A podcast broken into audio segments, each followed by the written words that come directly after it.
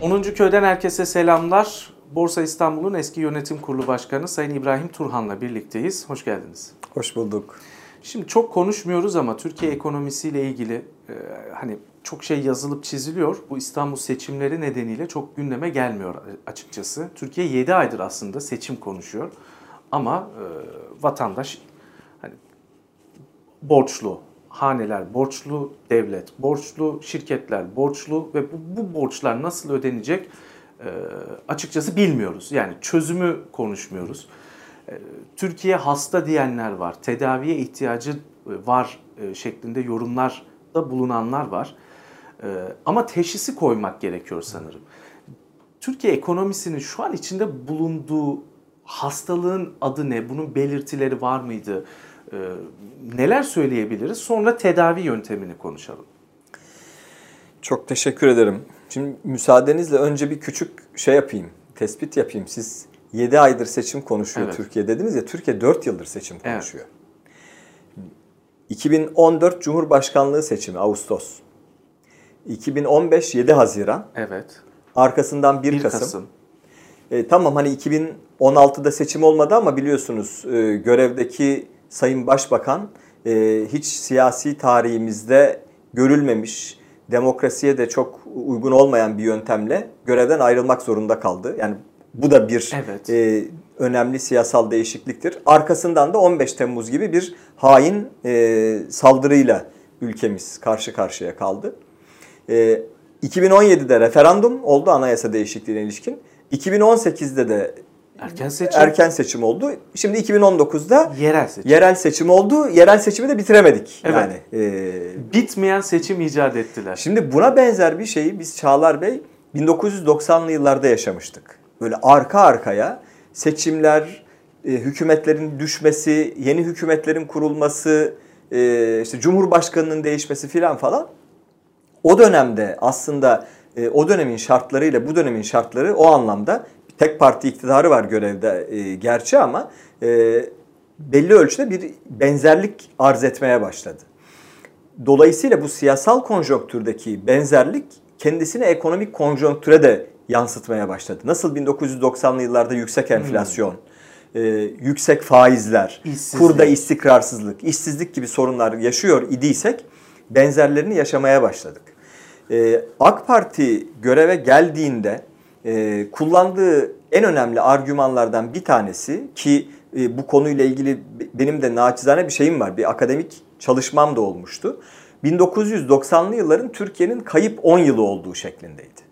Gerçekten de bakarsanız 1991'deki kişi, kişi başına milli gelirimizle 2001'deki kişi başına milli gelirimiz aynıydı. Yani 10 yıl boyunca düşünün bir ekonomi çalışmış.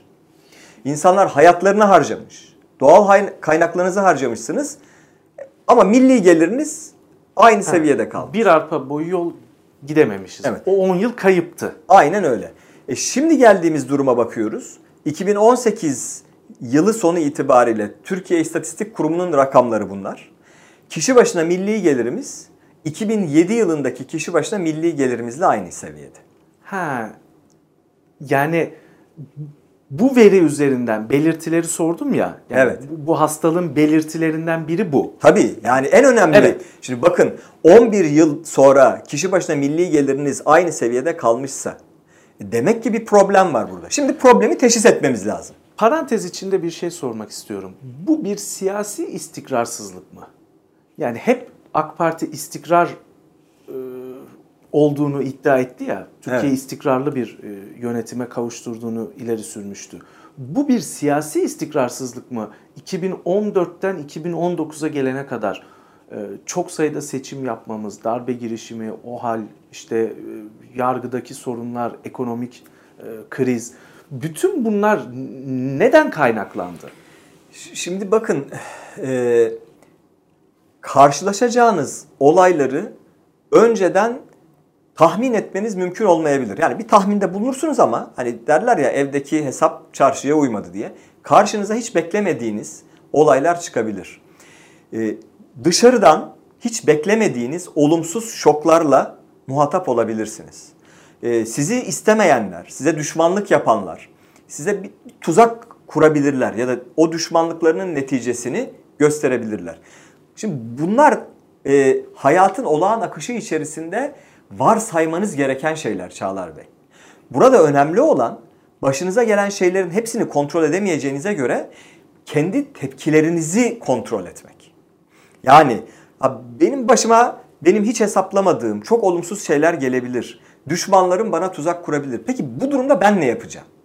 İşte benim görebildiğim kadarıyla Türkiye e, burada oluşturduğu, karşı karşıya kaldığı yani ben e, o konuda haksızlık etmek istemiyorum kimseye. Gerçekten bu bahsettiğimiz olayların bir kısmı e, Türkiye'nin başarısından memnun olmayan ya da çelme takmak isteyen bir takım çevrelerin e, oluşturduğu komplolar, tezgahlar olabilir. Bakın hani ben evet. e, burada da olabildiğince objektif olmaya çalışalım. Ancak mesele bu değil. Sizin rakibinizin size çelme takması futbol maçında beklemeyeceğiniz bir şey değildir. Bu bu oyunun e, evet. kurallarından yani kuralları demeyeyim de buna, gerçeklerinden birisi. Buna hazırlıklı olabilecek bir çok hani güzel. Demokrasimiz e, olmalıydı, ha, yönetimimiz Aynen olmalıydı. öyle. Hani ne yapacaksınız? Siz nasıl tepki göstereceksiniz? Şimdi olayın siyasal kısmını bir tarafa bırakalım isterseniz. Ben ekonomiyle evet. ilgili olanı söyleyeyim. Şimdi 2016'dan e, itibaren bu işte politik döngünün bu arkası arkasına gelen seçimlerin oluşturduğu endişeyle AK Parti geçmişte yapmadığı bir şeyi yaptı. O da nedir? O da ekonomide e, AK Parti'nin kuruluşundaki temel felsefe olan serbest piyasa, dışa açık ekonomi ve serbest piyasa kuralları içerisinde anlık kısa dönemli e, siyasal çıkarlar yerine sürdürülebilirliği ön plana alma davranışından bir ölçüde vazgeçti. Nasıl anlıyoruz bunu? Çok basit. Ee, benim e, sosyal medya hesabımı takip eden izleyiciler görecektir. Orada bunu e, grafikleriyle de e, anlatmaya çalıştım. Türkiye 2017 yılından itibaren sürdürülebilir büyümesinin çok üzerinde bir büyüme yaşadığı dönem tecrübe etti. E, bu yanlış hatırlamıyorsam 2000, hatta 2016'nın ortasından başlıyor. Yani arka arkaya 6 çeyrek e, potansiyel büyümenin üstüne çıktı. Şimdi ne demek potansiyel büyüme? E, düşünün ki elinizde bir kumaş var. Şimdi bu kumaşı biraz e, siz dikeceğiniz elbisenin modeli için yetersiz görüyorsunuz. Dolayısıyla biraz esnetmeye başlıyorsunuz kumaşı. Ya istediğiniz elbiseyi çıkarmak için. Şimdi kumaşı esnetmek için geriyorsunuz değil mi? Bir evet. gerilim oluyor. İşte ekonomiyi de gerdiğiniz zaman potansiyelinin üzerinde büyümek için zorladığınız zaman stres oluşuyor ekonomide. Nasıl görüyoruz bu stresi? Aşırı kredi genişlemesi, aşırı borçluluk, enflasyon dinamiklerinin yukarıya doğru dönmesi, e, bütçenin yani kamu maliyesinin e, daha önceki sürdürülebilir yapısından uzaklaşmaya başlaması. İşte bunların bu semptomların hepsini biz gördük o dönemde. Evet. Sonuçta Türkiye'nin şöyle bir gerçeği var. Biz e, her yıl aşağı yukarı değişiyor ama e, iş gücüne katılım oranı ile ilgili olarak e, nüfusu genç olan ve iş gücüne yeni katılımlar olan bir ülkeyiz değil mi? Her yıl evet. gençlerimiz e, iş gücüne giriyor ve bunlara iş bulmamız lazım. Sadece bu da değil, sosyal hareketlilik çok yüksek Türkiye'de. Evet. Çevreden merkeze olan hareket devam ediyor. Hem kırsaldan kentsele hem de kentlerin içerisine çevreden merkeze. Bunlara da iş bulmamız lazım. Daha iyi bir hayat standardı sağlamamız lazım insanımıza. Değil mi? Bunların bunlarda mutabıkız. Hiçbir problem yok. Bunun için ne, ne gerekiyor Çağlar Bey? Yatırım yapmak gerekiyor.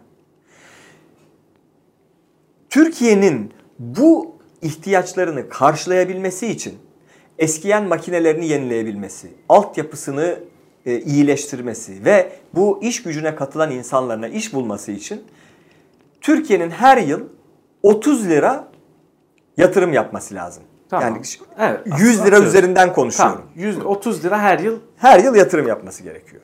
Ki bu ihtiyacı karşılasın. Bu ihtiyacı karşılasın diye. Şimdi bizim e, toplumumuzun tüketim davranışı biraz geniş. Yani e, çeşitli sebepleri var ama bu bir vaka. Uzun dönem ortalamasına baktığınız zaman 50 lirada tüketim harcaması yapıyor bizim özel kesimimiz, hane halkları. Evet.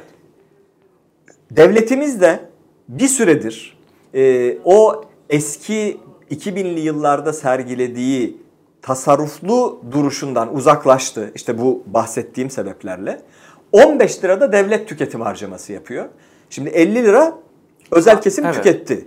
15 lira devlet tüketti. 30 lirada yatırım yapmanız gerekiyor. Kaç etti toplam? 50, 30, 80, 95 mi? 95 Evet. etti. Ee, şimdi e, şu- affedersiniz özel kesimin şeyi 60 lira. Ben 60. yanlış söyledim. 100 etti. Evet 60. Evet. 105 etti. 105. Şimdi 60 lira özel kesim tüketti. 15 lira devlet tüketti. 75. 30 lirada yatırım harcamaları 105 lira oldu.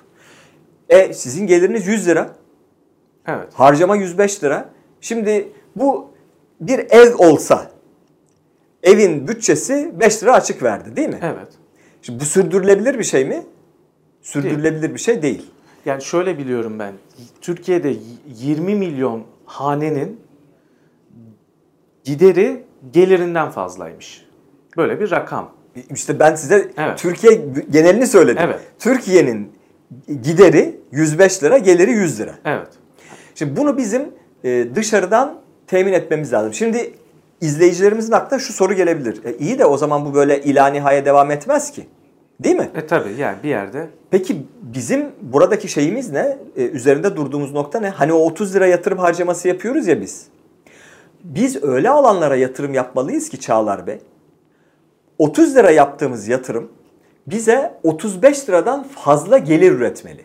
Ki hem o 30 lira yatırımın maliyeti çıksın hem de bir 5 lira borçlanmıştık ya onu ödeyelim. E bu mümkün mü? Mümkün.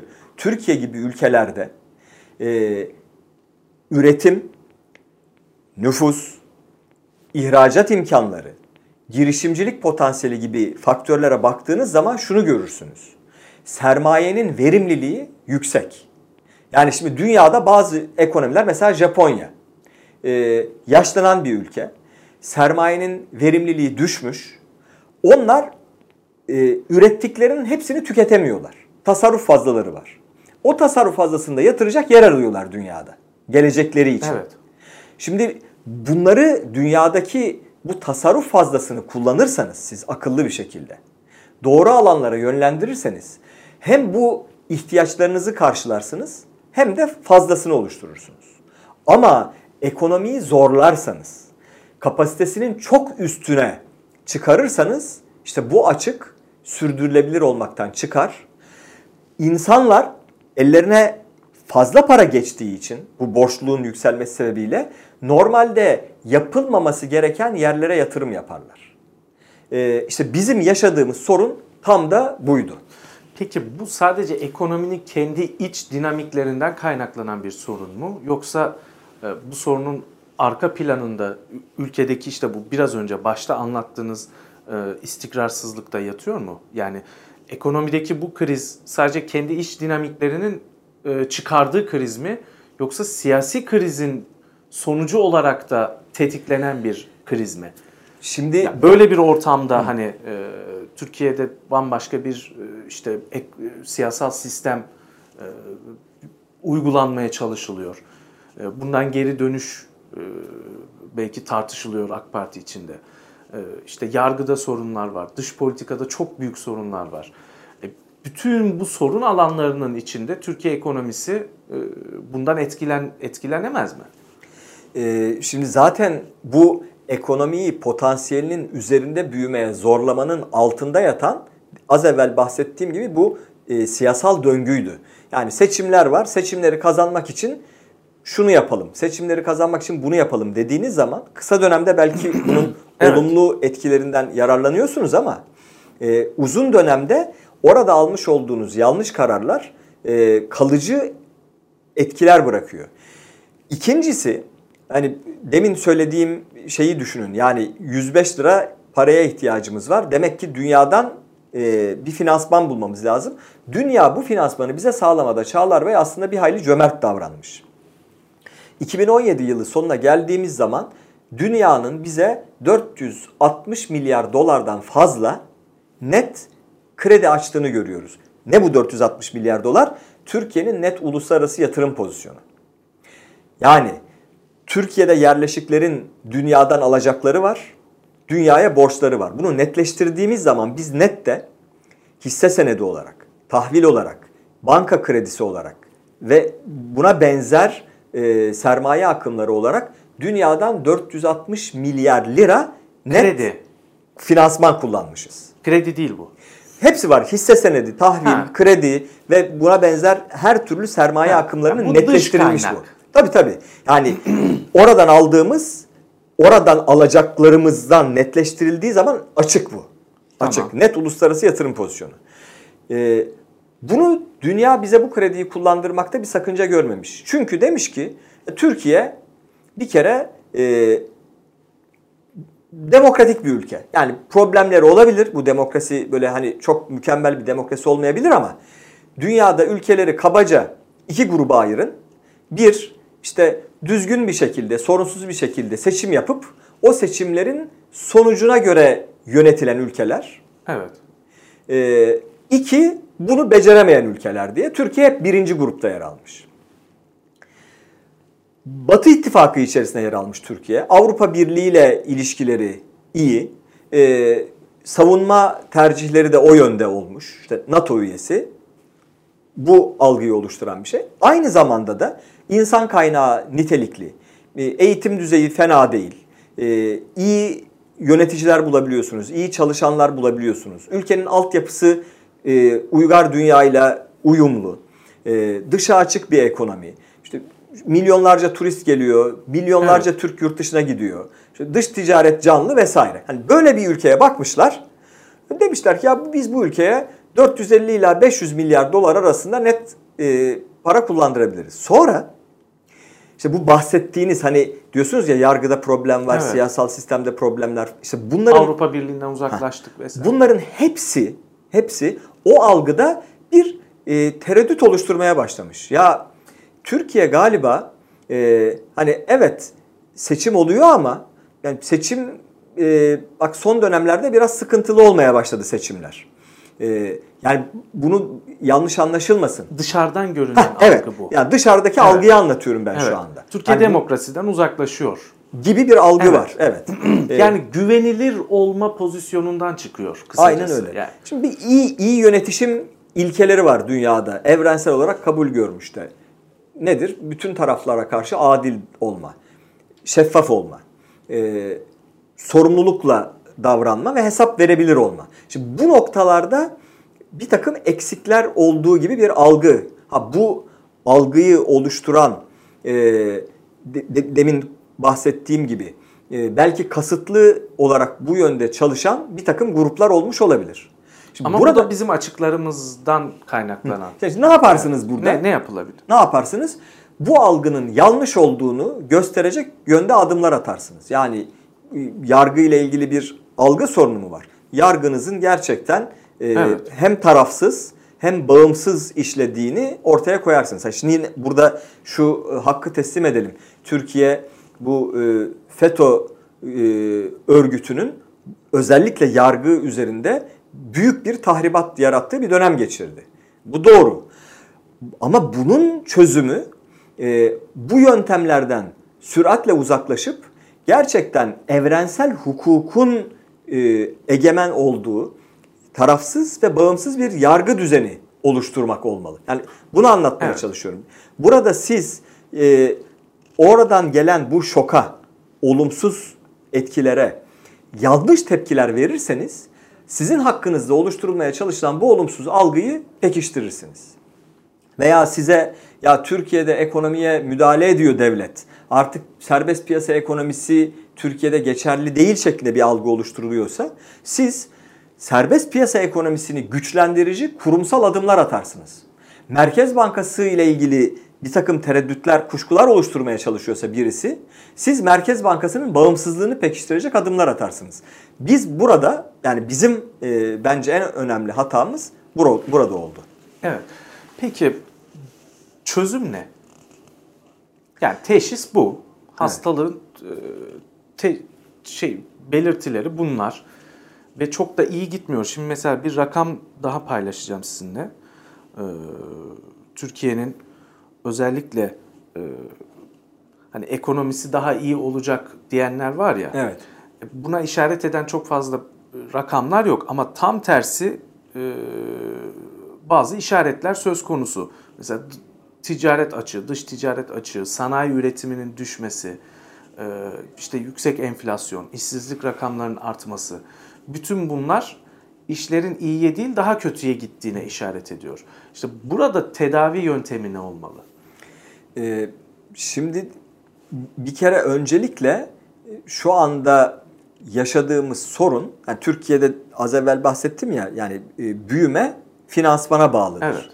Evet. E, şu anda bankalar e, kredi vermede bir sorun yaşıyor. Bunun sebebi ne? Çünkü geçmişte vermiş oldukları krediler vardı. E, bu kredilerin şu anda geri dönüşünde aksamalar yaşanıyor. Yani bunu nereden biliyoruz? Yine açıklanan resmi rakamlardan biliyoruz. Tahsili gecikmiş alacaklar toplam kredilerin %4'ü kadar. Bakın bu resmi rakamlar diyorum.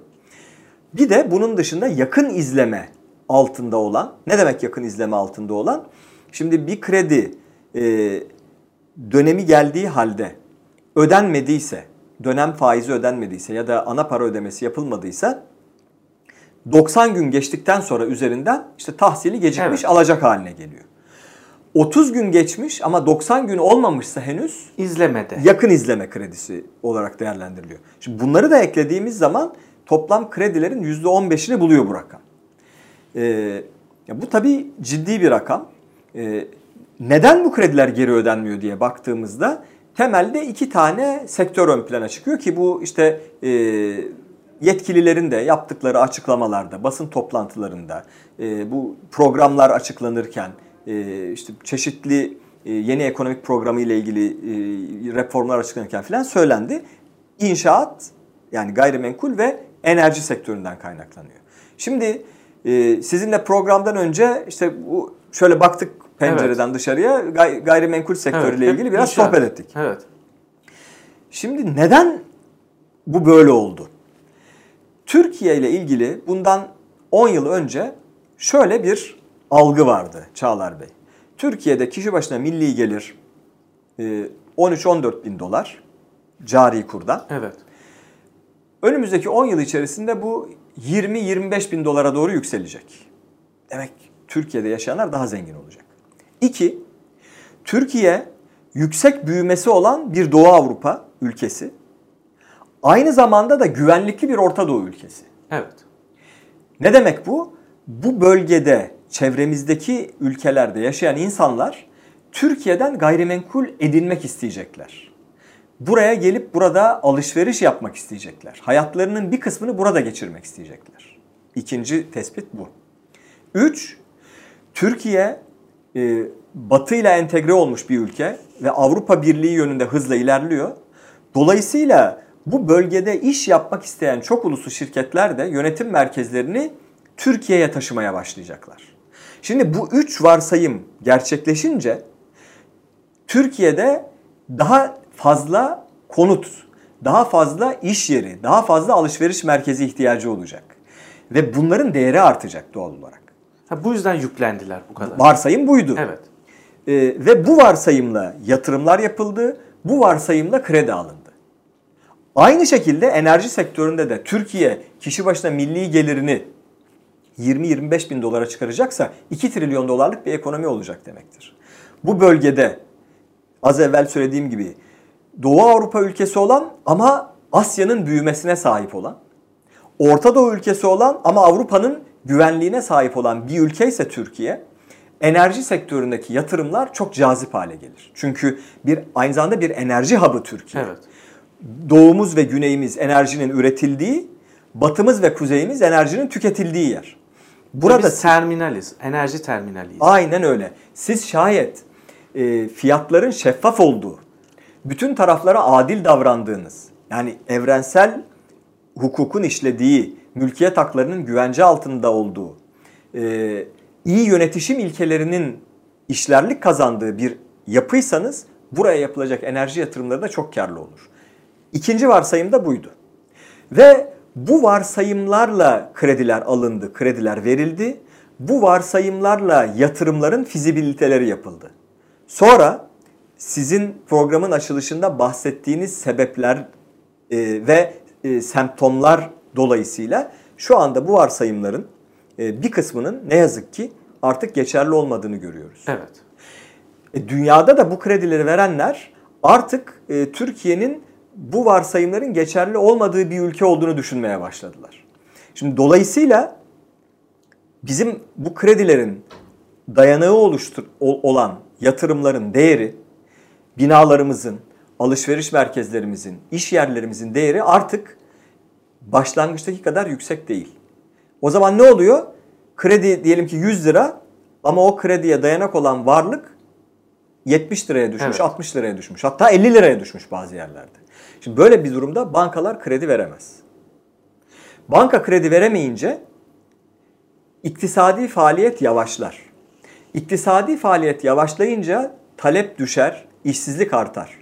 Talebin düştüğü, işsizliğin arttığı yerde firmalar satış yapmakta zorlanır. Satış yapmakta zorlanınca e, gelirleri azalır. Kredilerini ödemekte daha fazla zorluğa düşerler. Yani böyle bakın bir Evet yani bu konkordatoların e, gerisinde yatan sebeplerden biri de bu. evet Yani alım gücü düşüyor. Vatandaş bir şey alacak para bulamayınca e, bu doğrudan üreticiyi de etkiliyor. Aracıyı da etkiliyor. Pazarlayanı da etkiliyor. Bunu satanı da etkiliyor. Bütün sektörü etkiliyor. E, buradan çıkış yolu ne? İşte bura- Şimdi onu onu konuşacağız Evet, birazdan. Evet. Bura- Buradan çıkış yolu da bu döngüyü, bu kısır döngüyü kırmak. Nereden başlamıştı kısır döngü? Bankaların kredi verememesinden. Şimdi bankaların kredi verebilir hale gelmesi lazım. Evet. Atılması gereken adımlardan e, Evet. bahsediyordunuz. Evet. Yani dedim ki bir döngü var. e, demin tanımladığım.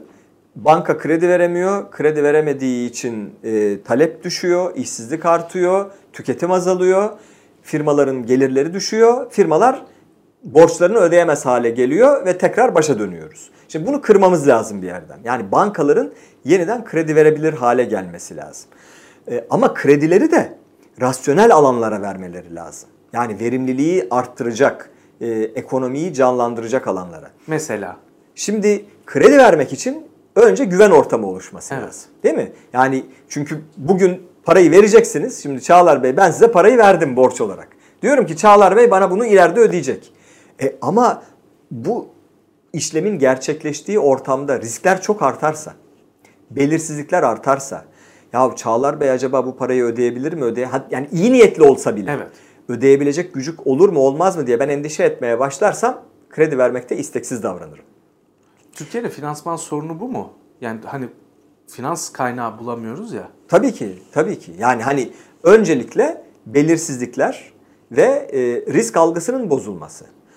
Burada tabii önemli unsurlardan bir tanesi de bu bankaların bilançolarında birikmiş olan artık geri ödenmesinde sorun yaşandığı anlaşılan kredilerin ne olacağı. Şimdi bununla ilgili hatırlar mısınız bilmiyorum. Bu Nisan ayında e, bir şey vardı, bir çerçeve vardı. Hükümet bunu kamuoyuyla paylaştı. Dedi ki biz e, iki tane fon kuracağız.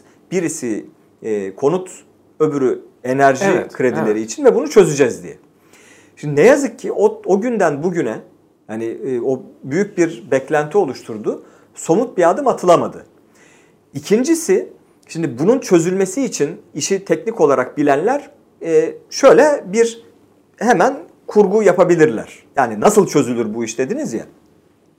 Şimdi bi- biz bu sorunlu alacakları e, bir şekilde e, devletin satın alacağı bir mekanizma kurgulamamız Evet. lazım. Yani devlet bu sorunlu alacakları alacak bankalardan e, ve diyelim ki 10 yıl içerisinde yavaş yavaş ekonomi düzeldikçe, e, ekonomi toparlandıkça tasfiye etmek üzere bir mekanizma kuracak. Ama bankalar bu sorunlu alacaklardan kurtulacak.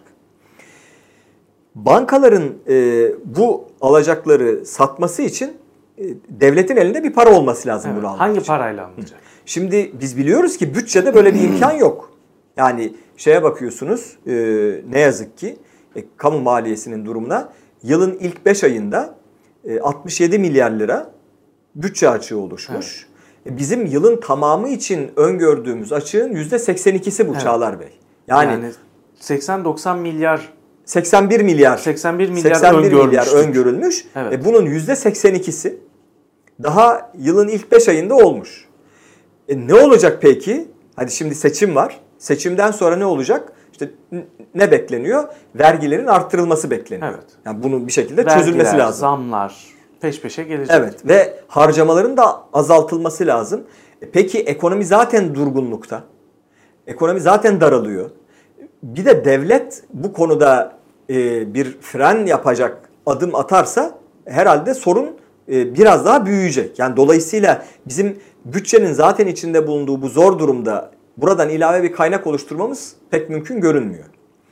İkincisi e, Merkez Bankası burada devreye girebilir. Yani Merkez Bankası bir parasal genişlemeyle bu e, Bunları satın alabilir. çözümün parçası olabilir. Yani bu bunların satın alınabilmesi için gereken kaynağı sağlar Evet. daha doğrusu. E- E, bu da bir çözüm. Mesela Amerika Birleşik Devletleri, Avrupa Birliği bunu yaptı. E, onların merkez bankaları buna benzer işler yaptı. Ama problem şu. O ülkelerin merkez bankalarının bastığı para uluslararası rezerv kabul edilen bir para ve orada enflasyon çok düşük seviyelerdeydi. Şimdi de bunu yaparsa Hah, işte şeyin kritik nokta o belki. Ekonominin bu kadar daraldığı, işsizliğin arttığı, az evvel anlattığım gibi satın alma gücünün, e, talebin azaldığı bir ortamda bizde enflasyon kaç Çağlar Bey? yüzde neredeyse gerçek enflasyona bakarsak yani 20'lere yakın mı? Şimdi e, TÜİK'in açıkladığı rakam üzerinden yine gidelim. En son açıkladığı rakam %18.7. 18 diyelim. Ama Hani işte gerçek yüzde enflasyon yirmiye yakın. 20, 20'lerin %20'ye üzerinde. yakın bir Ki enflasyon. gıda enflasyonu yüzde hani e, 25'in üzerinde gözüküyor. Şimdi Resmi. yıl sonu için beklenti nedir diye soruyoruz. Yani biz sormuyoruz da e, işte Merkez Bankası soruyor ya da diğer araştırma kuruluşları soruyor. Kaç açıklandı? Yıl sonu için yani beklentiler 15-16 aralığında. Evet. Yani düşünün ekonomi ben e, bu yıl %2,5 daralma bekliyorum mesela. Ekonominin %2,5 daraldığı, işsizliğin %14'ü aştığı, gençlik içinde, genç, işsizliği, işsizliğinin evet. %25 olduğu bir Evet. ortamda enflasyon yani Beklentimiz bile yüzde 15 Yüzde 15-16. Evet. Şimdi dolayısıyla enflasyon yüksek zaten. İki, e, diyelim ki Merkez Bankası böyle bir parasal genişlemeye gitti. Yani herkesin eline daha fazla Türk lirası geçti. E, şu anda biz biliyoruz ki yurt içinde yerleşikler, firmalar ve gerçek kişiler 180 milyar doların üzerinde bir döviz satın almış durumdalar. Yani 180 milyar doların üzerinde döviz tevdiat hesabı var bankalarda. Ellerine daha fazla Türk lirası geçerse bunun karşılığında bir döviz girişi olmadığı takdirde ülkeye bu Türk lirasının değeri üzerinde de bir olumsuz etki yaratır. Yani hem enflasyon hem Türk parasının değeri açısından bu bir risk oluşturuyor. Peki ne yapmak lazım o zaman? Ha, o zaman burada Türkiye'nin uzun vadeli, düşük faizli, uygun koşullu bir dış finansman bulması lazım. Bunu bu operasyonu baş- başarabilmek için. Bunu nereden bulabilir? Hep IMF akıllara geliyor ya. İşte bunu e, bulabileceği birçok yer var aslında ama hangi Türkiye'nin? Az evvel bahsettiğim Türkiye'nin. Ha evet. Yani bunu bize evet verirler. Bir bir- birçok kaynak bulunur ama bu halimizle vermezler. Evet. Şimdi ne yaparsak verirler. E, şimdi bakın e, aslına bakacak olursanız Türkiye'de e, bu iktisadi faaliyetin yavaşlamasına bağlı olarak cari açık problemi kapandı. Yani Türkiye artık ciddi bir cari açık vermiyor. Evet. E, bankalar kredi vermediği için bankalar kredi vermediği için yurt dışından sağladıkları yükümlülükleri yenileme oranları da düştü. Yani bu açıdan da bir baskı yok. Ee, kura bakıyorsunuz uzun yıllar ortalamalarıyla ka- karşılaştırıldığı zaman reel olarak çok düşük seviyede. Yani aslında Türk lirası değerinin çok altında görünüyor. En az %15 değerlenebileceği bir yer var Türk lirasının. Varlık fiyatlarımız çok ucuz. Şimdi e, eskiden bizim şirketlerimiz 8 ila 10 yıllık karları kadar bir değer ifade ediyorlardı. Yani şirketi satmak istediğiniz zaman Ha. 10 yıllık karına satıyordunuz Evet. şirketi. Şimdi Şu anda 4 yıllık karına satıyorsunuz. yarı yarıya düşmüş. On yarıdan fazla. Evet. E, yani Türkiye'nin varlıkları çok ucuz. Parası değerinin Değersiz. altında. E, cari açığı yok. Bankalarında bir finansman sıkıntısı yok görünüyor. Yani normal şartlar altında siz o öngörülebilirliği arttırsanız, istikrarı sağlasanız, bu bahsettiğimiz temel problemleri çözseniz buraya oluk oluk para akmaması için hiçbir sebep kalmıyor. Peki son olarak siyasetle bağlantılı bir konuya gireceğim. Yine e, ekonomiyi tetikleyen unsurlardan biri ama e, Türkiye'deki bu siyasi istikrarsızlığın ki ben öyle düşünüyorum ama e, bir istikrarsızlık söz konusu mu değil mi konuşabiliriz. E, bunun tam tersi geriye dönüş yani reformist bir e, yönetim, işte Avrupa Birliği ile barışık barışmış bir yönetim, e, kimseyle kavgalı olmayan bir Türkiye. Önce içerideki kavgasını bitirmiş, daha sonra dışarıdaki kavgalarını e, bit- bitirebilen bir Türkiye. Olması için atılması gereken adımlar neler? Yani bu, bu mevcut Cumhurbaşkanlığı hükümet modelinden geri dönüş AK Parti içinde de tartışılan bir konu. Ya bu işe yaramadı. E, parlamenter sisteme, daha demokratik bir sisteme geri dönelim diyenler var. E, bu alanda atılması gereken adımları e, ne olması gerektiğini düşünüyorsunuz? Valla yani? en en bence önemlisi e, hukuktur. E, çünkü mülkiyet hakkının garanti altına alınması iktisadi faaliyet için olmazsa olmaz bir şarttır. Yani e, bakın bir şey söyleyeyim. E, aslında hoş bir e, anekdot. E, borsanın yönetiminde olduğum dönemlerde aynı zamanda İstanbul Uluslararası Finans Merkezi'nin de Evet. e, tanıtımını yapıyordum bütün dünyada. E, bir süre etkinliğe katıldık. Zaman zaman şöyle sorular gelirdi bize. Ya siz İstanbul'u bir ulus- uluslararası finans merkezi olmasını istiyorsunuz. Ha, bu arada İstanbul Uluslararası Finans Merkezleri sıralamasında 70.likten 42.liğe kadar da yükselmişti. O dönemde. O dönemde evet. Ee, siz İstanbul'un bir uluslararası finans merkezi olması e, olacağını söylüyorsunuz. Böyle bir projeniz var. Ama sizin bölgede başka rakipleriniz var. Mesela neden Moskova değil İstanbul? Neden Dubai değil İstanbul? Gibi sorular soruluyordu. Ee, benim verdiğim cevap şuydu. Diyordum ki e, bir kere Türkiye e, Doğu Avrupa'da Asya büyümesine sahip bir ülkedir.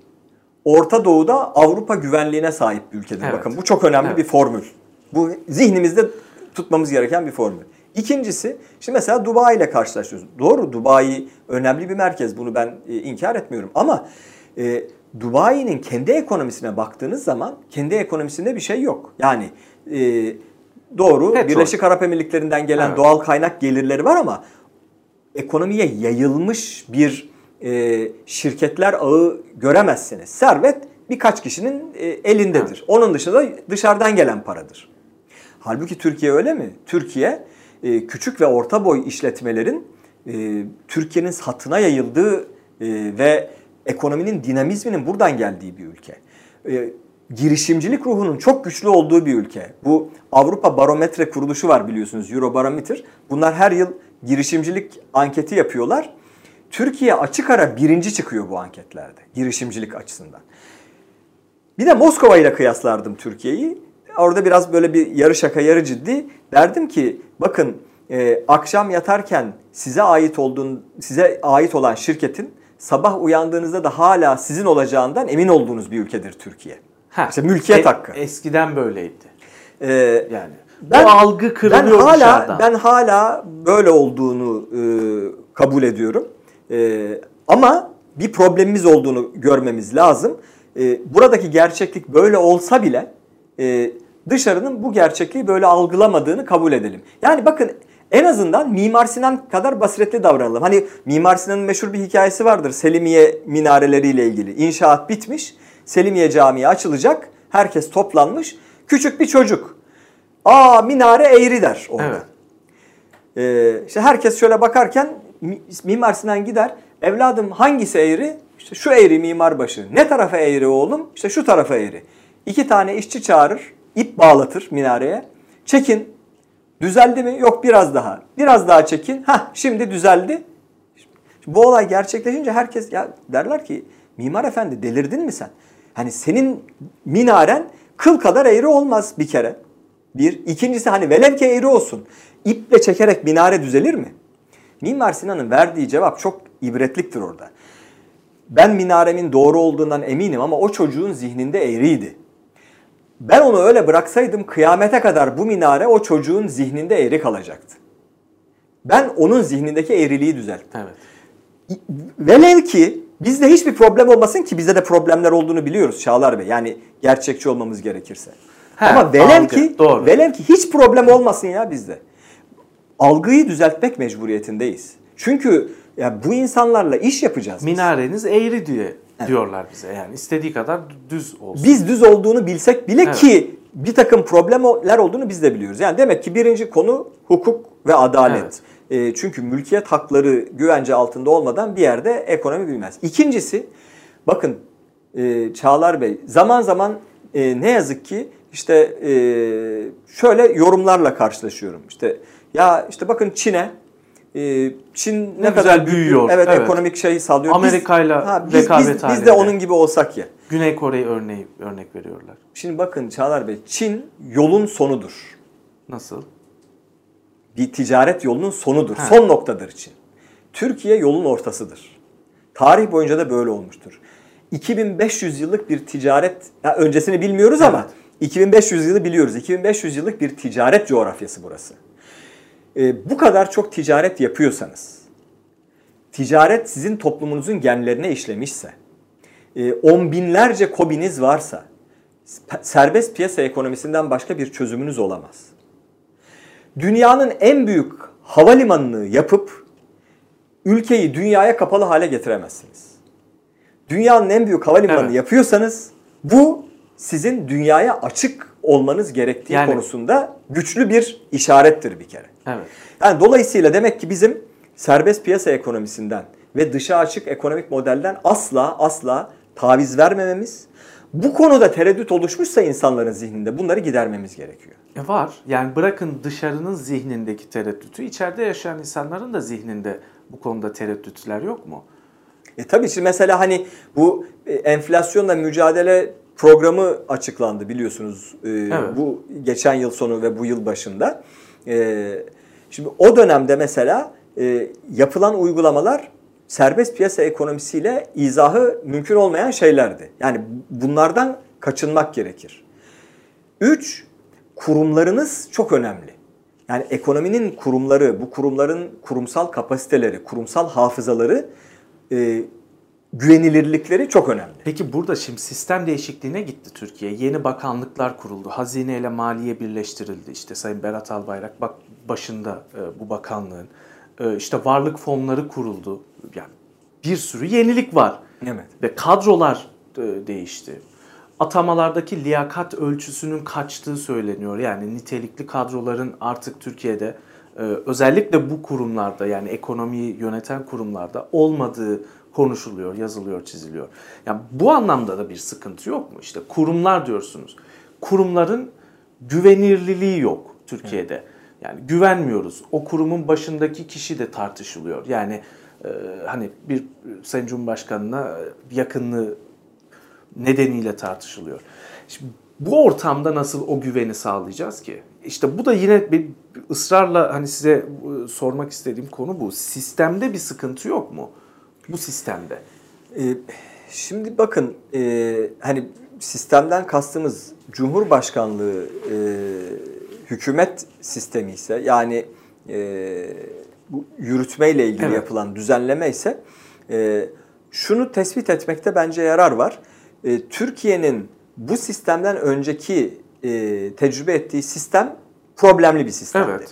Yani 12 Eylül Anayasası'nın ortaya çıkarmış olduğu ve o anayasayı hazırlayanların kendi kafalarındaki e, Türkiye kurgusuna göre sipariş ettikleri bir sistemdi. Yani yürütmede bir bölünmüşlük, parçalanmışlık vardı. E, bu ilişkiler çok sağlıklı bir şekilde tanımlanmamıştı vesaire. Şimdi dolayısıyla bunun düzeltilmesi kesinlikle gerekir. Yani ya gerçekten demokratik parlamenter bir sistem oluşturursunuz. Yani sorumluluk ve yetki o zaman başbakanda toplanır. Veya e, şimdi uyguladığımız gibi yürütmenin Cumhurbaşkanı'nda toplandığı yani başkanlık ya da yarı başkanlık sistemi gibi bir sistem de e, uygulayabilirsiniz. Burada sistemin kendisinden bence kaynaklanmıyor sorun. Sorun ne? Ee, sorun sistemdeki denge ve kontrol mekanizmalarının yerli yerine oturtulması ile ilgili. Şimdi e, müsaade ederseniz burada sabrınızı evet. zorlayarak biraz olayı kuramsal yerden almak e, zorundayım. Benim çok beğendiğim bir e, şey vardır. Siyaset felsefecisi John Locke. Evet. E, bu İngiliz aydınlanmasının da önemli isimlerinden bir tanesi. Şimdi şöyle bir e, şey var onun, e, kurgusu var. Diyor ki insanlar bir arada yaşayacak. Bir arada yaşayacaksa e, ortak işlerinin görülmesi lazım. İşte demin bahsettiğim mesela mülkiyet hakkının güvence altında alınması lazım. Bir iyi işleyen bir yargı sistemi lazım. Güvenlik lazım, savunma lazım vesaire. Ortak işleri görmek için de bizim devlet gibi bir aygıta ihtiyacımız evet. var biz hepimiz özgürlüklerimizden bu devlet lehine fedakarlıkta bulunacağız. Yani devletin dediğini kabul edeceğiz. Devlet bizden vergi alabilecek. Devlet bizi cezalandırabilecek gerektiği yerde. Ama bu durumda da devlette çok fazla güç birikir. Bir yerde çok fazla güç birikirse orada sorun çıkması kaçınılmazdır. Ne yapmamız lazım? O zaman bu gücü parçalamamız lazım. Sınırlamamız lazım. Yani Gücü nasıl parçalayacağız? İşte kuvvetler ayrılığı dediğimiz şey burada ortaya çıkıyor. Yani yürütmeye bir güç mü veriyorsunuz? Evet. Bunun karşında yasama organını bir denge mekanizması oluşturacak şekilde güçlendirmeniz lazım. Yani yürütmenin sınırlarını yasama organı çizecek. Evet. Hangi yetkiyi kullanacağını yasama organı belirleyecek. Ve yasama organı etkin denetim yapabilecek evet. yürütme üzerinde. Amerika Birleşik Devletleri'nde gördüğümüz sistem budur. Evet. Herkes Amerika'yı bir başkanlık sistemi zanneder. Amerika aslında bir kongre sistemidir. Evet. Ve yani, yürütmeyi denetleyecek bir yargı da olacak. O, o, o üçüncü ha. bileşen. Evet. Ee, Amerika ile ilgili bir şey söyleyecektim. Evet. Müsaade ederseniz onu e, tamamlayayım. Bu anayasa değişikliği tartışmaları yapılırken e, bu konuyu ben birkaç kere e, gündeme getirmeye çalıştım yetkililer nezdinde. E, işte zaman zaman bu Amerika Birleşik Devletleri örneği veriliyordu. Dedim ki ya bakın Amerika Birleşik Devletleri itfaiye şefinin hatta ve hatta başıboş hayvanları sokaktan toplayacak kurumun başındaki kişinin bile seçimle belirlendiği bir sistemdir. Evet. Yetkilerin çok önemli bir kısmı yerel otoritelerdedir ve yerel, yerel otoriteler seçimle gelir. Bu Amerikan filmlerini, Amerikan dizilerini filan seyreden izleyicilerimiz hemen hatırlayacaktır. Polis şefinin en çok korktuğu kişi belediye başkanıdır Amerika'da. Çünkü polis şefi belediye başkanına evet. bağlıdır ve rapor verir. Yani dolayısıyla yani orada bambaşka bir kurgu var. Ha bunu yapabilirsiniz. Bir de dediğiniz gibi bu sistemi tamamlayacak olan şey e, gerçekten bağımsız, tarafsız çalışacak. E, ama yargının bağımsız olması da bir jüritokrasi oluşması anlamına evet. gelmez. Buna da izin vermeyeceksiniz. Yine mesela Amerika Birleşik Devletleri'nde bu konuyu çözmek için e, jüri sistemi, halk jürisi sistemi kullanılıyor. Yani dolayısıyla... Yargıyı da denetliyor. Yani. Aynen halk. öyle. Yani toplum doğrudan kararlar, yargıyı da denetliyor. Yani e, bu sistemler Çağlar Bey insanlık birikimi yeteri kadar Çözmüş, zengin evet. bir şey sunuyor bununla ilgili. Ne yapılması gerektiği belli. Burada demek ki bizim evrensel hukuka, e, evrensel insan haklarına, demokrasiye, kuvvetler ayrılığına, iyi yönetişim ilkelerine, serbest piyasa ekonomisine, e, kurumların bağımsız ve yetkin olduğu, ehliyet ve liyakatla e, insan kaynakları yapısının oluşturulduğu bir sisteme ihtiyacımız var. Ha, bu sistem e, belli bir ölçüde zaten Türkiye'de temelleri var. Hani olmayan bir şeyden bahsetmiyoruz. Evet. Türkiye bunu çok e, başarıyla uyguladığı dönemler oldu. Yine yapmaması için hiçbir sebep yok. Türkiye'nin bütün dünyada yükselen bir yıldız olarak insanların hayranlıkla, gıptayla izledikleri dönemleri oldu. Evet. Bunların yeniden olmaması için hiçbir sebep yok. En büyük avantajımız da ben iflah olmaz bir iyimserim. Kendimi evet, öyle ben öyle fark ettim onu. Öyle tanımlarım. Evet. Şuna inanırım. Bir kere başardığınız bir şeyi yeniden başarmak kolaydır. E, biz bir kere başardık bunu. Yeniden başarabiliriz. Evet. Çok teşekkür ediyorum katıldığınız için. Seçimden sonrasını da konuşuruz. Yani yine e, vakit ayırırsanız. seçimden sonra oluşacak o atmosferi, tabloyu e, iyi okumak gerekiyor. Yine ekonomi üzerinden e, bunları konuşabiliriz. Ağzınıza sağlık. Çok, sağ teşekkür olun. ederim. Çok teşekkür ederim. Sayın İbrahim Turhan'la birlikteydik. Has, Türkiye hasta demiştik başta açarken ben söylemiştim. Yani bir tedaviye ihtiyacımız var. Hem ekonomide hem siyasette bir e, tedaviye ihtiyacımız var. Ekonomideki tedavi yöntemlerini konuştuk. Hoşçakalın.